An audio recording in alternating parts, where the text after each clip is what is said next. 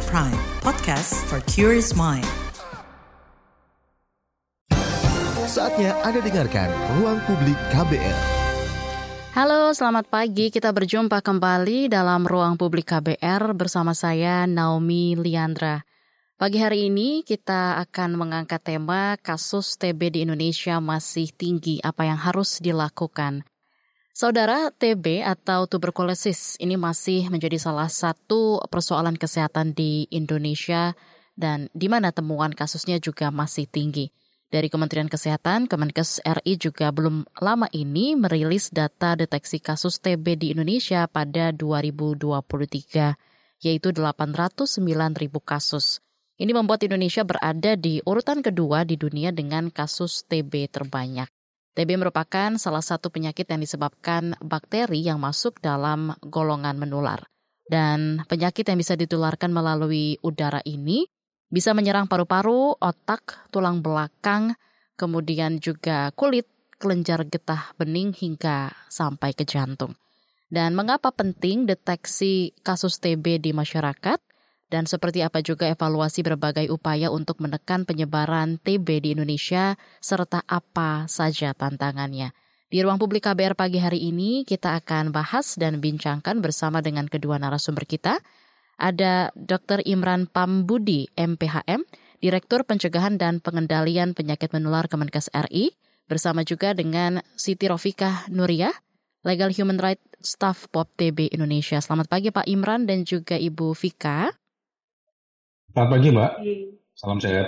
Salam sehat, selamat pagi Pak Imran dan juga Ibu Vika. Terima kasih sudah hadir di ruang publik KBR pagi hari ini.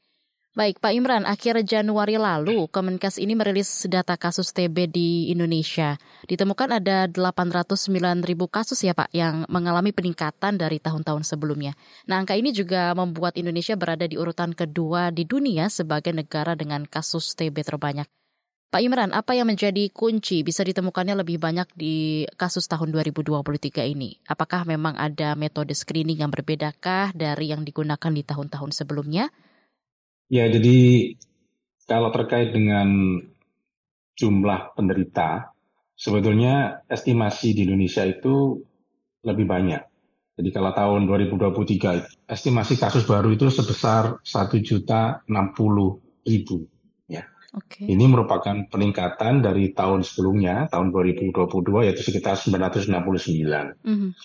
Peningkatan ini, estimasi kasus ini sebetulnya merupakan dampak dari penurunan penemuan kasus atau semua program itu kan turun kan zaman COVID. Jadi uh, dampaknya itu terasa sampai uh, kenaikan kasusnya jadi meningkat sampai tahun 2023 bahkan 2024. Mm -hmm. Jadi estimasinya sebetulnya adalah sekitar 1 juta 60 ribu kasus.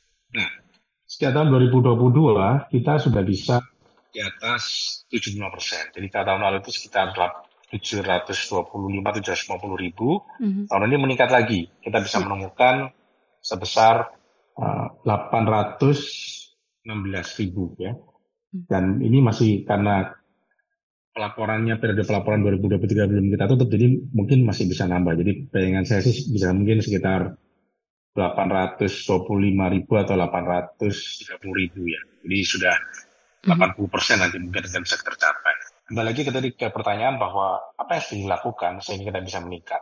Jadi begini, kita lihat bahwa tahun terutama zaman COVID ya, mm-hmm. itu kan orang nggak berani keluar ya Mbak ya. Yeah. Kemudian kalau ke puskesmas pun karena gejala tuberkulosis itu ada kemiripan dengan COVID, maka orang takut di COVID kan, ada kutip ya. Mm-hmm. Di COVID kan itu kan akhirnya nanti dia disuruh isolasi segala macam kan. Yeah. Artinya banyak orang-orang yang dengan gejala tuberkulosis ini akhirnya mereka tidak datang ke puskesmas, tidak datang ke layanan kesehatan. Jadi mereka diobati sendiri. Padahal kita tahu bahwa tadi tuberkulosis ini adalah penyakit menular yang disebabkan oleh bakteri tuberkulosis. Jadi selama dia tidak diobati dengan benar, maka dia masih bisa menularkan ke orang lain. Kemudian setelah berangsur-angsur tahun 2022 begitu masa PSBB selesai gitu ya, maka program mulai jalan lagi dan kita melakukan beberapa hal. Pertama adalah perbaikan sistem pelaporan. Jadi kita lihat bahwa ternyata sekitar 40 persen penderita tuberkulosis itu datangnya ke rumah sakit, Mbak. Mm. Dan selama ini dan dan sebelum tahun 2022 ini laporan dari rumah sakit untuk penderita tuberkulosis itu tidak begitu bagus, ya. Okay. Tidak bagus, maka kita perbaiki. Perbaikannya adalah dengan mengintegrasikan dengan JKN, dengan JKN. Jadi laporannya kita integrasikan. Kemudian yang kedua adalah kita melakukan active case finding. Active case finding itu adalah penemuan kasus secara aktif yang dilakukan metodenya adalah dengan melakukan screening menggunakan X-ray ya, di daerah-daerah yang kita identifikasi kasusnya banyak, ya. ya. seperti di daerah Selam Area, kemudian ada di daerah asrama, di pesantren, di mana itu uh, penjara, gitu ya, itu kita lakukan untuk menemukan lebih banyak. Hmm. Kemudian ketiga adalah melakukan kontak investigasi. Nah ini sama seperti dulu kalau COVID, mm-hmm. kontak tracing itu, jadi begitu ada satu penderita, kita lihat tuh keluarganya seperti apa, teman-teman pekerjanya seperti apa, kita periksa. Nah, kalau yang positif, maka langsung kita periksa. Jadi tiga hal itu yang menyebabkan perbaikannya cukup bagus pelaporan-pelaporan. Gitu Mbak. Oke, baik. Jadi banyak ya kasus yang ditemukan ini karena memang sistem pelaporan yang uh, diperbaiki gitu ya Pak Imran ya. Iya. Oke, okay, ya. baik. Boleh tahu nih Pak untuk daerah daerah mana saja yang jadi prioritas temuan kasus TB? Jadi saat ini ada kita identifikasi ada beberapa provinsi yang besar ya kasus TB-nya seperti Jawa itu hampir semua Jawa kecuali Jogja itu yang tinggi. Kemudian Sumatera Utara, kemudian Lampung, Sumatera Selatan, Sulawesi Selatan itu daerah-daerah yang kasus jumlah kasus TBC-nya cukup tinggi. Mm-hmm. Dan dari situ kita identifikasi ada 25 kabupaten kota yeah. yang cukup besar, di mana kalau kontribusi dari 25 kabupaten kota ini mungkin sudah mencapai sekitar ya 50 persen lah, 50 sampai 60 persen penderita TB di Indonesia. Jadi harapan kami kalau kita sudah bisa menggerebek 25 kabupaten kota ini, maka penurunan kasusnya akan bisa bisa. Oke, baik. Sekarang kita ke Bu Fika. Bu Fika, melihat data yang uh, baru saja dirilis oleh Kemenkes gitu ya soal temuan kasus tuberkulosis di tahun 2023 yang lebih tinggi begitu dari temuan sebelumnya. Seperti apa tanggapan Anda? Iya, uh, terima kasih Mbak. Uh, jadi kalau menurut saya ada banyak ya sebenarnya faktor kenapa bisa TBC tinggi di Indonesia gitu ya. Hmm. Uh, yang pertama mungkin karena kami Pop TB ini fokusnya di uh, pendampingan gitu ya, pendampingan psikososial, kami melihat bahwa bagaimana kepatuhan pasien berobat itu uh, masih cukup rendah begitu ya. Uh, jadi uh, mereka masih banyak yang tidak mau memulai pengobatan, masih banyak yang uh, mangkir. Jadi mereka misalkan sudah memulai pengobatan, lalu ternyata mereka merasa sehat, lalu di pertengahan jalan mereka putus berobat. Padahal kita tahu bahwa pengobatan TBC itu harus konsisten, harus disiplin sehingga uh, sampai bisa sembuh begitu. Hmm, okay. Jadi itu mungkin faktor pertama yang uh, membuat uh, masih tingginya uh, apa namanya kasus TBC di Indonesia itu adalah yang pertama mungkin uh, kepatuhan dari pasien itu sendiri. Lalu juga selain itu adanya faktor mungkin uh, stigma diskriminasi gitu. Mm. Uh, mulai akhir-akhir uh, tahun kemarin gitu ya kami mulai fokus untuk uh, mendata kasus-kasus stigma diskriminasi gitu ya. Banyak kasus uh, bahwa ada yang diusir dari rumahnya, ada yang di apa namanya dipecat dari kerjaannya. Nah itu kasus-kasus stigma diskriminasi masih masih banyak ya dari yang tadi saya sebutkan itu uh, membuat pasien merasa ya. uh, mungkin takut untuk berobat, mungkin uh, tidak mau untuk berobat. Nah itu itu itu yang menjadi itu selain itu mungkin juga faktor lingkungan yang di mana di Indonesia kita tahu banyak pemukiman kupat kumis dan segala macam, lalu juga uh, kebiasaan merokok seperti itu. Nah, jadi banyak sekali faktor-faktornya uh, kenapa TBC di Indonesia masih tinggi begitu Mbak mungkin. Tadi sudah disebutkan ya ternyata banyak sekali faktor yang menyebabkan bahwa TB ini masih saja tinggi. Salah satunya masih banyak yang suka mangkir, kemudian putus berobat, belum lagi adanya stigma diskriminasi, kemudian faktor lingkungan dan lain sebagainya tadi uh, Anda sudah sampaikan. Nah, seperti apa nih peran edukasi terhadap masyarakat soal TB ini seperti yang dilakukan oleh Pop TB mempengaruhi angka ini? Oh, kalau dari kami sendiri Mbak, uh, sudah ada beberapa usaha-usaha untuk campaign gitu ya, baik campaign yang uh, kami langsung turun ke jalan ke ke tempat-tempat publik begitu ya. Yeah. Ya. Uh, waktu itu kami pernah di uh, Makassar, di Lego, lalu di mm -hmm. Jogja pernah di uh, Bogor, di Stadion Pekansari.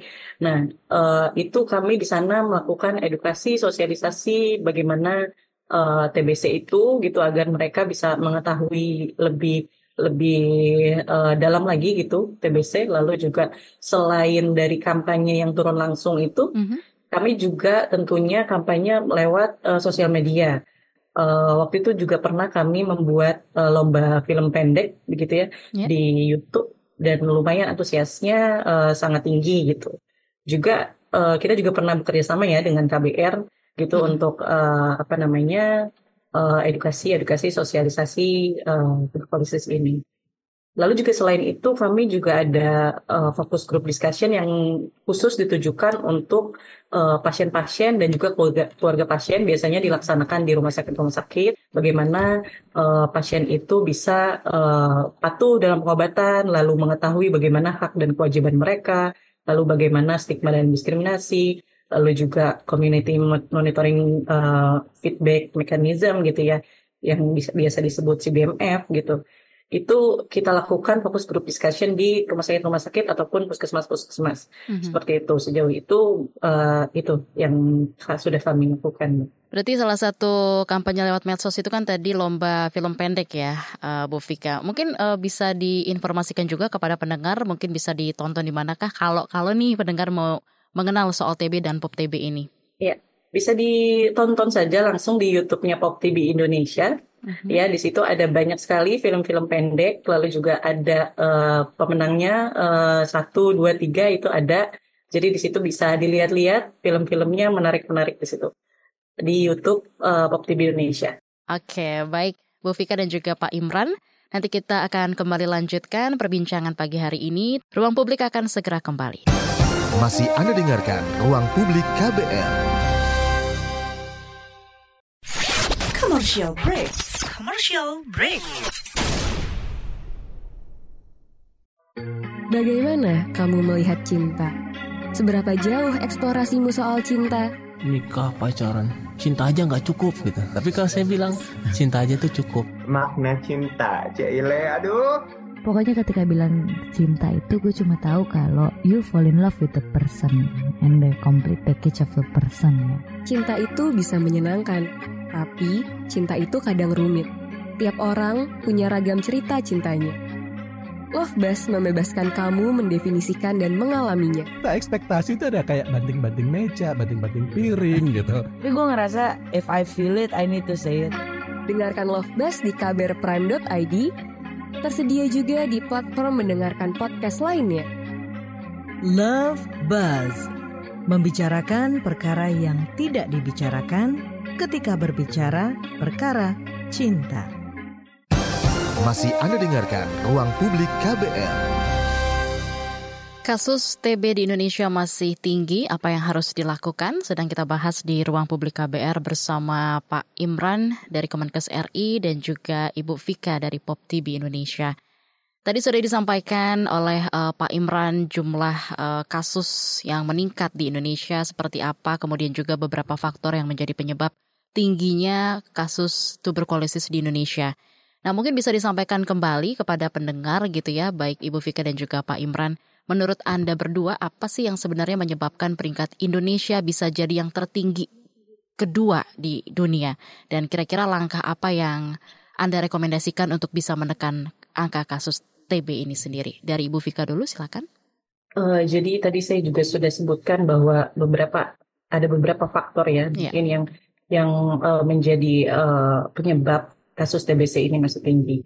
Yang pertama tadi kepatuhan mungkin uh, untuk kepatuhan ini juga dari uh, Pop TV masih uh, berusaha untuk melebarkan sayap ke berbagai wilayah gitu ya. Karena Pop TV sendiri masih belum uh, masih belum semua provinsi ada gitu ya. Jadi kami bisa uh, mendampingi pasien yang sedang menjalani pengobatan khususnya pengobatan TBCRO. Jadi uh, TB itu kan ada yang sensitif obat, ada yang resisten obat. Nah, uh, kami uh, fokus di uh, TBRO gitu ya, yang pengobatannya mungkin uh, memakan waktu yang lebih panjang, juga efek samping obat yang mungkin lebih banyak dan lebih berat begitu.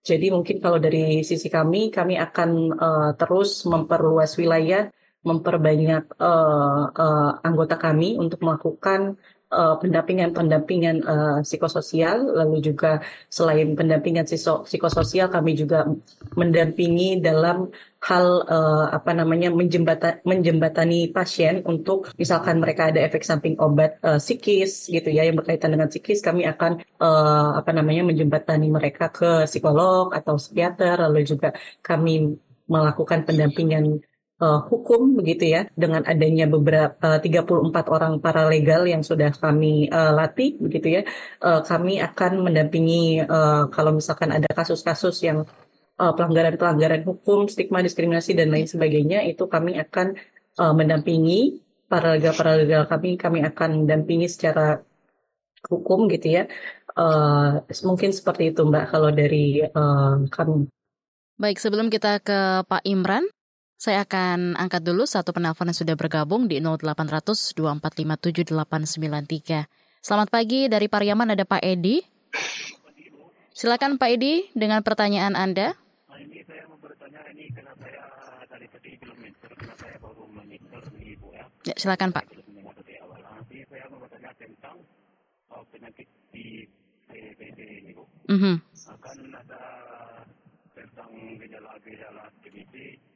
saya mendengar ada batuk otak menyerut dan ada keringat tanpa bekerja berat.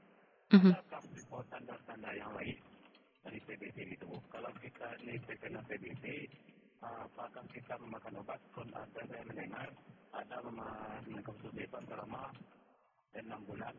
Kalau mm-hmm. dia putus satu hari, maka diulang lagi hitungan pertama. Benarkah itu uh, seperti itu, Bu? Baik. Terus apa yang harus kita lakukan? Kalau kita memastikan itu PBB atau tidak. Ada lagi Pak Edi yang mau ditanyakan? Uh, cuma kalau kita itu terkena PBB, uh, apakah kita itu penyakit PBB itu beberapa bahaya gitu buat apakah oh, bahayanya begitu tinggi ataukah sedang atau bisa itu menyebabkan kematian. Baik, terima kasih Pak Edi dari Pariaman atas pertanyaannya. Ya, selamat pagi. Tadi sudah ditanyakan ya Pak uh, Pak Imran dari Pak Edi di Pariaman. Boleh langsung ditanggapi Pak gejala TBC hmm. seperti batuk terus, kemudian keringat terus menerus juga. Ada tanda-tanda lainkah? Dan kalau hmm. sudah uh, mengkonsumsi enam bulan obatnya lalu putus sehari akan ulang lagi dari awal dan apakah itu bahaya dan menyebabkan kematian? Silakan Pak Imran. Baik Pak Edi, jadi gejala dari tuberkulosis itu utamanya adalah batuk lebih dari dua minggu.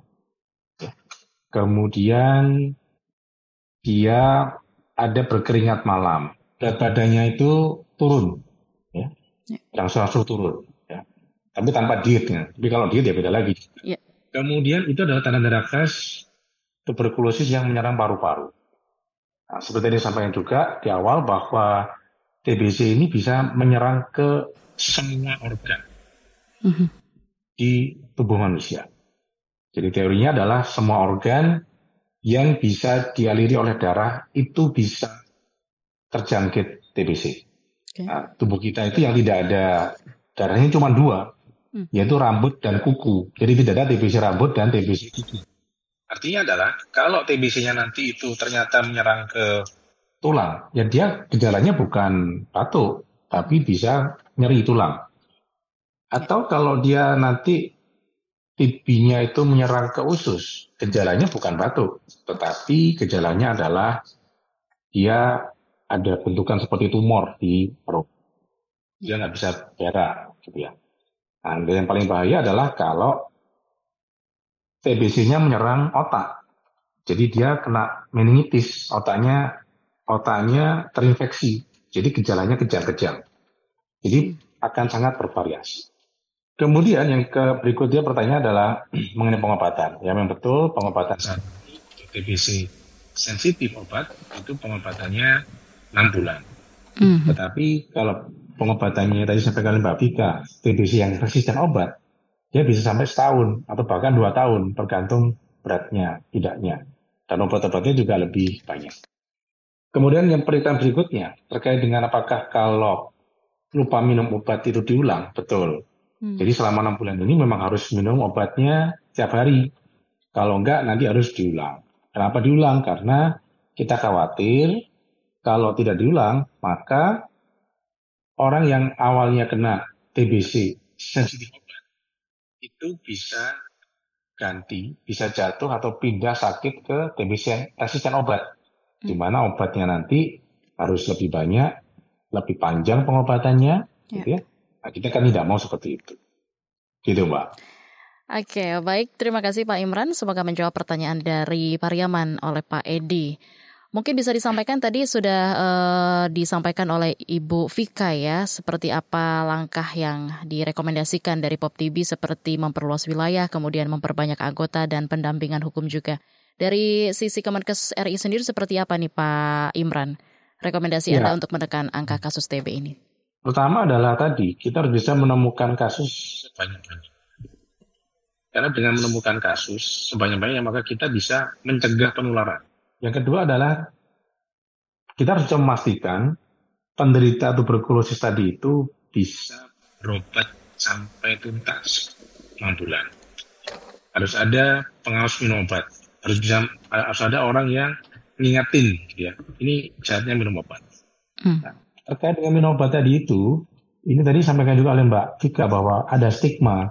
Jadi jangan sampai penderita tuberkulosis itu mendapatkan stigma sehingga dia akhirnya nggak mau ngurusin pengobatannya, hmm. gitu kan? Karena kalau ngurusin pengobatannya, dia malah dipecat dari pekerjaan itu nggak boleh. Jadi harus bisa memastikan bahwa orang-orang ini bisa derita ini bisa uh, selesai pengobatannya dengan okay. Kemudian memberikan tadi terapi pencegahan tuberkulosis. Jadi ada yang namanya TBC laten, mbak.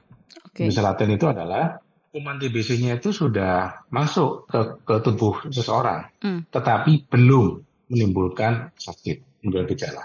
Itu yang disebut sebagai TBC laten. Hmm. Dan TBC laten ini juga diberikan obat namanya TPT, terapi pencegahan tuberkulosis. Jadi orang-orang yang kontak dengan penderita TB harus diberikan TPT.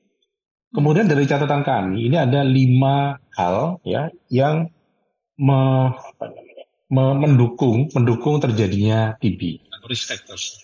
Ya, apa tuh Pak? Adalah merokok. Hmm. Merokok ini tinggi banget nih minumnya, persentasenya ya. Yang kedua adalah masalah malnutrisi. Hmm. Jadi kalau dia gizinya jelek, maka dia akan mudah sakit. Yang ketiga adalah penyakit HIV, keempat adalah diabetes, dan yang terakhir adalah konsumsi alkohol. Jadi lima hal ini yang akan membuat orang jadi lebih gampang terkena tuberkulosis. Jadi selain dari tiga hal yang kami sampaikan, ada lima, lima hal ini yang bisa dilakukan atau dihindari oleh masyarakat agar tidak terkena tuberkulosis. Gitu, Pak. Oke, baik Pak Imran dan juga Ibu Vika. Siapa saja sih yang sebenarnya bisa tertular penyakit TB ini?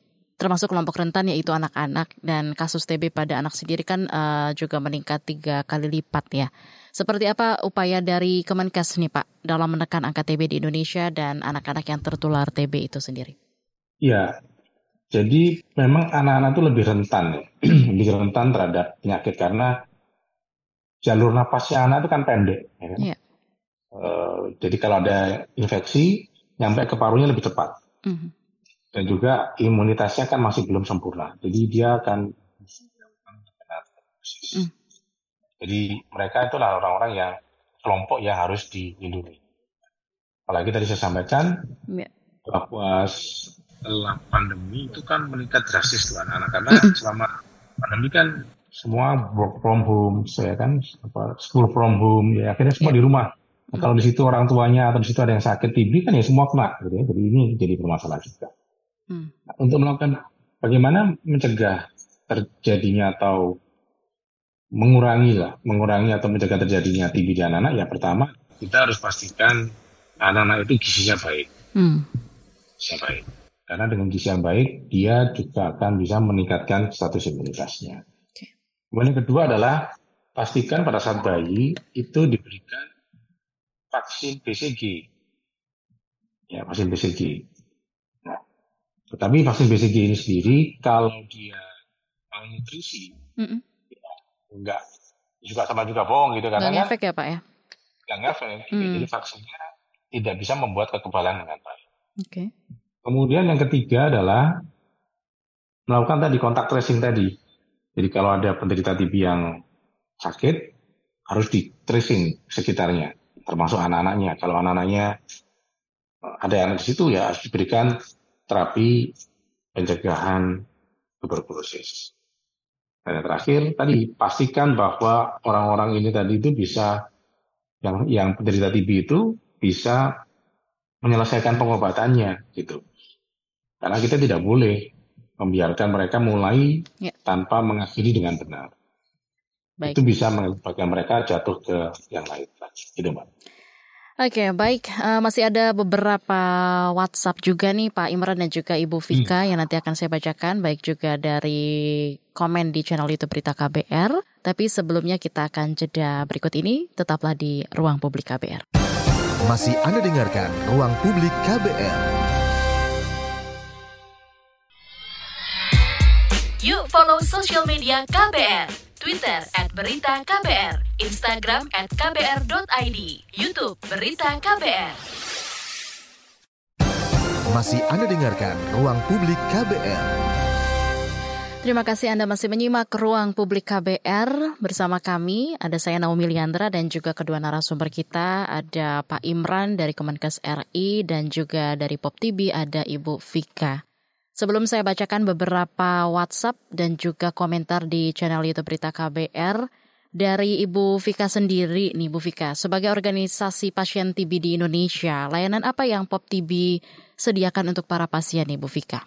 Ya, eh, terima kasih Mbak Naomi. Jadi eh, saya ceritakan lebih detail lagi ya tadi tadi, Silakan. tadi beberapa saya sudah mention begitu ya. Kami eh, Pop TV sendiri sebenarnya fokus di pendampingan psikososial untuk pasien-pasien eh, TBRO begitu. Jadi eh, TBRO ini kan eh, beda seperti yang sensitif obat gitu ya. Ya. Eh, dia waktunya lebih panjang, lalu efek samping obatnya juga lumayan lebih berat seperti itu. Jadi butuh eh, pendampingan eh, secara eh, psikologis seperti itu. Jadi kebanyakan eh, yang mendampingi ini adalah para penyintas begitu Mbak. Hmm. Jadi mereka-mereka yang sudah berhasil berjuang eh, melalui pengobatan TBRO. Bagaimana mereka mendampingi itu pasien-pasien merasa seperti eh, mempunyai teman seperjuangan gitu ya, mempunyai role model gitu. Eh, mereka bagaimana menjalani pengobatan eh, didampingi jadi semakin semangat. Nah itu yang pertama pendampingan eh, secara psikososial.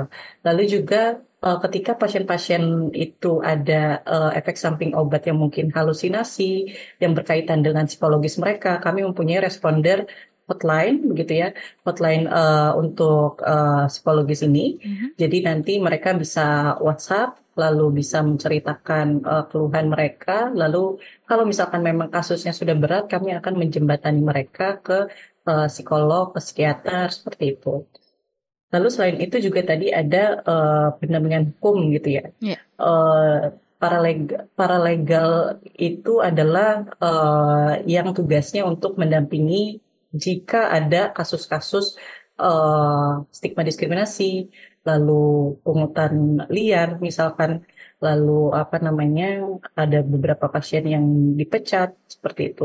Dan baru-baru ini di tahun 2024 ini sudah ada kasus eh, pasien TBRO yang dikeluarkan dari eh, sekolahnya Hmm. begitu ini masih dalam tahap proses uh, mediasi gitu ya. Sudah uh, para legal kami sudah ke uh, mendatangi sekolah, lalu sudah ke dinas kesehatan. Kami uh, berharap bahwa pasien ini masih tetap bisa diterima oleh uh, sekolahnya, lalu bisa tetap menjalani uh, pelajaran ujian uh, dengan uh, semestinya begitu. Uh, Lalu selain itu juga masih banyak kasus-kasus uh, yang lain ya Mbak, maksudnya uh, yang tadi saya sudah uh, katakan, mention iya. sebelumnya bahwa banyak sekali satu kasus-kasus stigma diskriminasi mungkin yang baru terlihat sekarang ini baru sedikit, namun di bawah permukaan itu masih masih banyak seperti itu ya. Jadi ya. ada beberapa kendala-kendala tantangan yang dihadapi oleh para legal bagaimana pasien ini sering kali merasa takut ketika mereka mengalami stigma, diskriminasi lalu hmm. mereka takut untuk melapor gitu. Jadi sedikit kasus uh, yang sampai uh, kita tangani itu uh, karena banyak sekali kasus-kasus yang mereka takut untuk untuk di uh, apa namanya uh, diperpanjang begitulah. Ya. Seperti itu. Mungkin itu Mbak beberapa uh, apa namanya kontribusi-kontribusi kami di Indonesia uh, dalam upaya menanggulangi uh, tuberkulosis di Indonesia. Baik, terima kasih Ibu Vika. Mungkin bisa ditanggapi singkat dari Pak Imran yang disampaikan oleh Ibu Vika sebelum kita bacakan beberapa WhatsApp dan juga komen di YouTube. Ya, memang betul sekali. Peran dari teman-teman organisasi penyintas TB, TB itu sangat penting. Karena begini Mbak, orang yang paling bisa merasakan bagaimana minum obat TB ya mereka kan. Kalau saya ditanya saya juga hmm. nggak tahu, karena hanya saya hanya teorinya. Jadi memberikan pendampingan itu akan sangat lebih apa namanya dari hati ke hati kalau yang memberikan pendampingan itu adalah teman-teman dari POPTB tadi. Jadi mereka perannya sangat sangat baik, sangat kita butuhkan di dalam tadi melakukan pendampingan terutama pada kasus-kasus TBRO. Karena TBRO itu kan pengobatannya lebih panjang. Mhm. Obat-obatannya juga efeknya juga lebih kerasa ke, ke badan ya. Ini membutuhkan penguat gitu ya. Kemudian yang kedua adalah teman-teman TB tadi itu, uh, pop TB itu juga bisa memberikan advokasi kepada masyarakat, kepada pemerintah daerah, pentingnya atau bagaimana perusahaan itu harus bisa memberikan suatu environment, suatu lingkungan yang mendukung pengobatan TB. Karena sebetulnya sudah ada Permenaker nomor 13 tahun 2022 tentang penanggulangan TB di tempat kerja. Ini merupakan suatu implementasi dari Perpres nomor 67 tahun 2021 tentang penanggulangan tuberkulosis. Jadi Indonesia ini setahu saya adalah satu-satunya negara di dunia yang ada peraturan presiden untuk penanggulangan TB. Jadi sudah kuat nih. Ya. Nah, artinya Pak Presiden sudah punya komitmen yang kuat, TB ini harus diberesin. Karena kalau enggak, yang namanya generasi emas 2045 itu nggak bisa kecapai gitu ya. Karena anak-anak banyak yang TB, ya, kalau TB itu apalagi pada anak-anak, itu nanti ke depannya ya masa depannya nggak bagus karena paru-parunya tidak bisa berkembang dengan baik. Kalau paru-paru tidak bisa berkembang dengan baik, maka oksigenasi ya. juga jelek dan itu masuk ke otaknya juga kurang bagus gitu mbak. Oke, baik Pak Imran dan juga Ibu Vika. Saya akan hmm. bacakan beberapa komentar dan juga pendapat dan juga pertanyaan baik dari WA dan juga channel YouTube. Dari YouTube dulu Pak dan juga Bu Vika. Pertama dari Mas Doniel, Apakah polusi udara di kota besar termasuk penyumbang TBC? Tadi kan Pak Imran sudah menyebut ya kalau rokok itu berpengaruh. Apakah polusi udara juga termasuk? Sebelum ditanggapi, berikutnya ada dari Pak Wahyu Hidayat. Apa yang telah dan sedang dilakukan komunitas TBC untuk meningkatkan angka keberhasilan pengobatan TBC? Dan tadi sudah disebut ya, uh, sudah disinggung juga oleh Ibu Vika. Berikutnya, dari Pak Budi Hermawan, edukasi pada masyarakat menjadi kunci dalam penanggulangan TBC, baik edukasi preventif, kuratif maupun rehabilitatif. Kesadaran adalah faktor penentu keberhasilan pengobatan. Satu lagi dari channel YouTube Berita KBR ada Endah Ervan, kerjasama lintas sektor untuk upaya dukungan eliminasi TB 2030. Baik dari kesemuanya mohon ditanggapi dulu dari Ibu Vika. Silakan Bu Vika. Oke, untuk pertanyaan uh, apakah polusi bisa berpengaruh? Nah, itu mungkin uh, um, Pak Imran bisa lebih menjelaskan lebih uh, lanjut ya. Uh, lalu untuk uh, pertanyaan dari Pak Wahyu, uh, apa yang sedang uh, komunitas uh, laksanakan, begitu ya? Kalau dari Pop TV sendiri, Tadi beberapa sudah saya sebutkan, ya. uh, Pak Wahyu, begitu ya. Uh, mulai dari uh, pastinya uh, kegiatan utama kita adalah uh, pendampingan, gitu ya. Lalu juga selain itu juga ada edukasi-edukasi, uh, campaign-campaign yang nantinya di tahun ini kita akan terus uh, gencarkan, gitu. Uh, seperti yang tadi komen dari Pak Budi Hermawan juga bahwa bagaimana edukasi ke masyarakat ini adalah salah satu hal yang uh, kunci gitu ya uh, hal yang penting bahwa uh, bagaimana masyarakat bisa sadar akan penyakit tuberkulosis ini. Lalu uh, dari edukasi kampanye ini juga bisa terhapus segala stigma dan dan lain sebagainya itu. Lalu kalau misalkan me mereka memang merasakan gejala-gejala mereka bisa sadar gitu ya. Mereka bisa langsung dengan uh, apa namanya sadar diri gitu untuk memeriksakan ke uh, layanan kesehatan. Seperti itu sih kalau dari uh, Pop TV. Oke, baik. Mungkin dari Pak Imran, polusi udara di kota besar termasuk penyumbang TBC kah Pak? Pertanyaan dari Mas Daniel di YouTube KBR. Secara tidak langsung iya, ya, karena kalau pol polusi ya, merokok itu kan juga membuat masukkan secara secara sadar ya polusi ke ke tubuh kita. Hmm. Jadi dengan adanya merokok atau polusi itu akan menimbulkan jadi di kerongkongan kita itu ada bulu-bulu halus mbak, namanya silia. Nah silianya ini kalau kena asap terus menerus dia akan rontok. Mm. Kalau rontok maka gunanya silia itu untuk menangkap kuman-kuman nih, mm -hmm. gitu ya. Jadi kalau kuman ditangkap kemudian di, dikeluarkan batuk. Ya. Kalau mm. silianya itu hilang, mm -hmm. maka bakteri atau paparan dari luar itu langsung bisa masuk ke sehingga memang akan lebih mudah menimbulkan penyakit. Jadi secara tidak langsung, ya polusi itu juga akan membuat penderita tuh uh, ma ma apa namanya masyarakat atau orang itu lebih mudah terjangkit. Oke, baik. Tadi sudah ada beberapa pertanyaan dari channel YouTube Berita KBR. Saya akan bacakan juga nih Pak Imran dan juga Bu Fika dari WhatsApp 0812 1188181. Dari Medan ada Pak Lukas. Bagaimana menghilangkan stigma soal TB dari masyarakat? Pop TV punya tips-tips nggak? Ditanggapi oleh Bu Fika, silakan.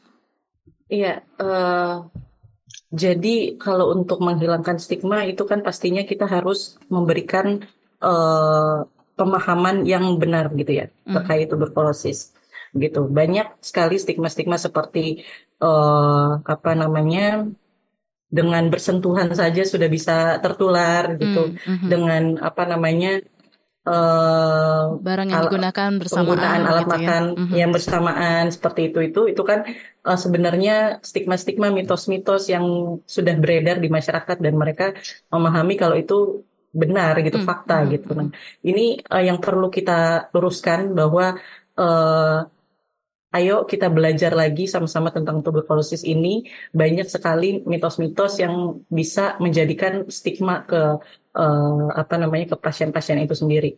Karena itu tadi pentingnya uh, bagaimana stigma ini bisa menyebabkan pasien itu tadi takut gitu untuk mereka menyatakan bahwa oh saya uh, terkena tuberkulosis. Hmm. Nah, itu menjadikan peluang penularan itu lebih tinggi. Misalkan mereka jadi males untuk pakai masker hmm. karena takut ketahuan sedang sakit. Lalu juga mereka jadi males pergi ke puskesmas karena ditanyain tetangga mungkin mm-hmm. mau ke mana terus uh, sakit apa gitu misalkan itu itu sudah ada kasusnya yang bagaimana pasien ini menghindari uh, apa namanya menyembunyikan gitu ya dalam, yeah. dalam tanda kutip. Jadi jadi dia mau ke puskesmas dengan baju rapi gitu ya. Uh, apa namanya dikiranya biar dikira tetangga-tetangganya dia mau kerja padahal dia mau ke puskesmas untuk berobat tuberkulosis saking dia takut dan ingin menutupi uh, dia sedang sakit tuberkulosis. Jadi uh, stigma ini adalah uh, salah satu penghalang kendala tantangan uh, kita bersama gitu. Jadi kita harus tetap gencar untuk me menyebarluaskan informasi-informasi yang uh, tentunya uh, fakta gitu ya, bukan mitos-mitos seperti yang tadi sudah beberapa disebutkan gitu. Itu mungkin Mbak. Baik, uh, nanti kita akan kembali lanjutkan Bu Vika dan juga Pak Imran. Tetaplah bersama kami. Masih Anda dengarkan Ruang Publik KBR. Commercial break. Commercial break.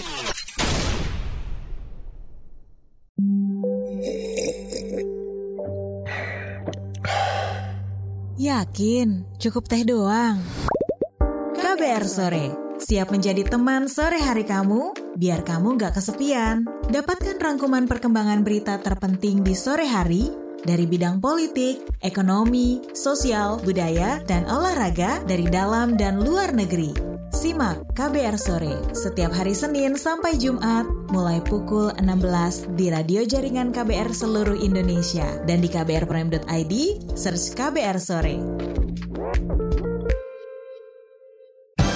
Masih Anda dengarkan Ruang Publik KBR. Sebelum saya uh, ke pertanyaan berikutnya, ada satu pesan WhatsApp lagi ya Pak Imran dan juga Ibu Vika dari Lombok. Ada Ibu Yuli yang bertanya dari temuan kasus tuberkulosis di 2023 ini, apakah semuanya sudah menerima pengobatan?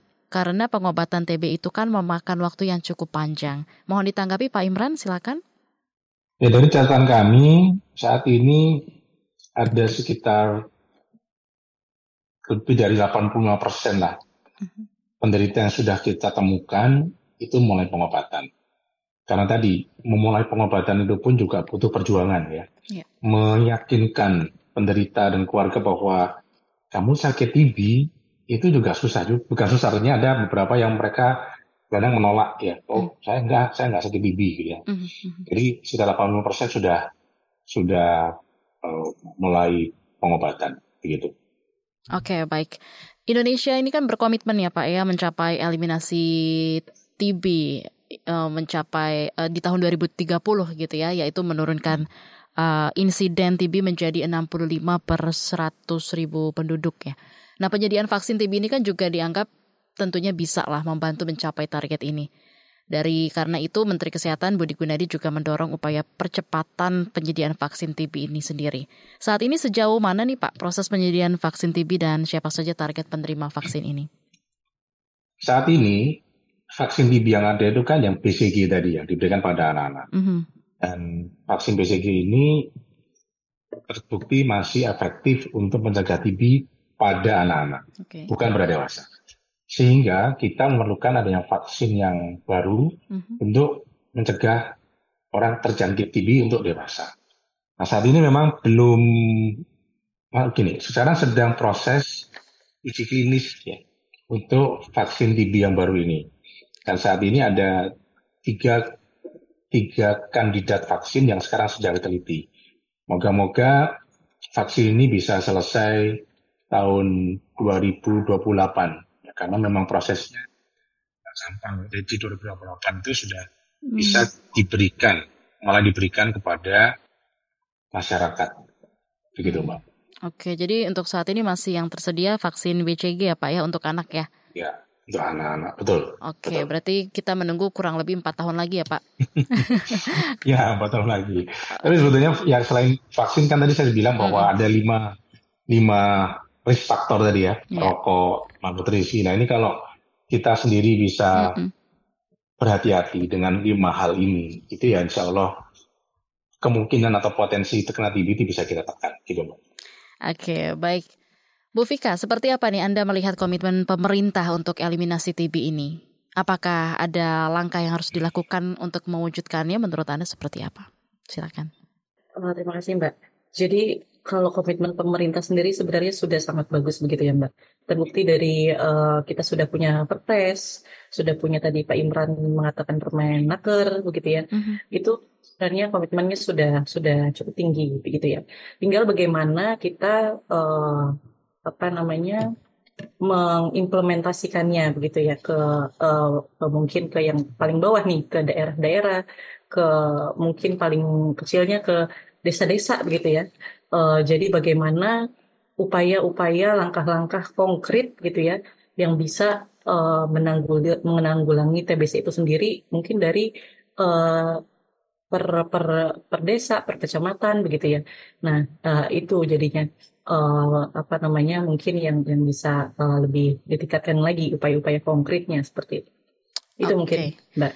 Baik, terakhir nih mungkin bisa disampaikan pesan dan harapan pada masyarakat supaya semakin peduli dengan penyakit ini dan tentunya nggak takut untuk uh, segera memeriksakan diri ke layanan kesehatan kalau merasakan gejala yang mungkin saja adalah TB. Sekaligus uh, menutup perjumpaan kita pagi hari ini mungkin dari Ibu Vika dulu lalu ditutup oleh Pak Imran. Silakan masing-masing dua menit. Sih, jadi uh, harapannya itu mungkin dimulai dari diri kita sendiri gitu ya. Bagaimana kita bisa aware sama keadaan uh, kondisi diri kita begitu ya. Bagaimana kalau misalkan ada gejala bisa memeriksakan diri sendiri. Lalu kalau misalkan memang sudah uh, apa namanya terjangkit uh, penyakit tuberkulosis begitu ya. Bagaimana kita bisa menghimbau keluarga kita untuk memeriksakan juga, lalu juga mungkin bisa mengikuti tadi yang Pak Imran sebutkan adalah uh, terapi pencegahan tuberkulosis begitu ya. Untuk mencegah bagaimana uh, tertularnya uh, dalam satu keluarga itu karena banyak sekali kasus-kasus yang seperti bisa dikatakan kasus-kasus pingpong begitu ya. Yang satunya sakit, nanti satunya sembuh, lalu setelah itu yang satunya keluarganya sakit seperti itu. Mungkin itu jadinya uh, mulai dari diri sendiri, lalu keluarga kita, lalu kita bisa juga menyebarkan uh, edukasi-edukasi tuberkulosis ke uh, apa namanya lingkungan kita yang lebih luas begitu. Baik, dari Pak Imran, silakan Pak sekaligus menutup perjumpaan kita pagi hari ini pesan dan harapan Anda supaya masyarakat semakin peduli dengan penyakit ini dan nggak takut gitu Pak untuk memeriksakan diri ke layanan kesehatan kalau memang mereka merasakan gejala yang mungkin saja adalah TB. Silakan Pak. Iya, TBC itu adalah penyakit menular yang bisa disembuhkan. Dan semua orang itu bisa terkena tuberkulosis. Baik yang miskin, yang kaya, muda, tua, itu bisa kena semua. Jadi kita jangan berkecil hati kalau kena TB itu nanti, oh ini kutukan, bukan. Karena ini memang sama seperti penyakit yang lain, sama kayak dulu COVID, ya, ya. semua bisa kena. Tugas kita adalah bagaimana kita bisa menjaga kesehatan kita supaya tidak terkena TB tadi ada lima risk factor yang harus di, dihindari. Kemudian kalau menemukan teman keluarga yang ada gejala tadi gejala tuberkulosis, mm-hmm. sarankan dia untuk segera memeriksakan diri ya, karena obatnya gratis. Mm. selesai. Kemudian labnya juga gratis. Jadi kalau masyarakat itu ada gejala periksa ke puskesmas dan didiagnosis TB itu akan gratis. Jadi um, pokoknya ikut aja deh programnya, gitu ya. Kemudian masalah stigma. Jadi stigma ada tiga, mbak. Ya. Stigma dari diri sendiri, stigma dari tenaga kesehatan, dan stigma dari masyarakat.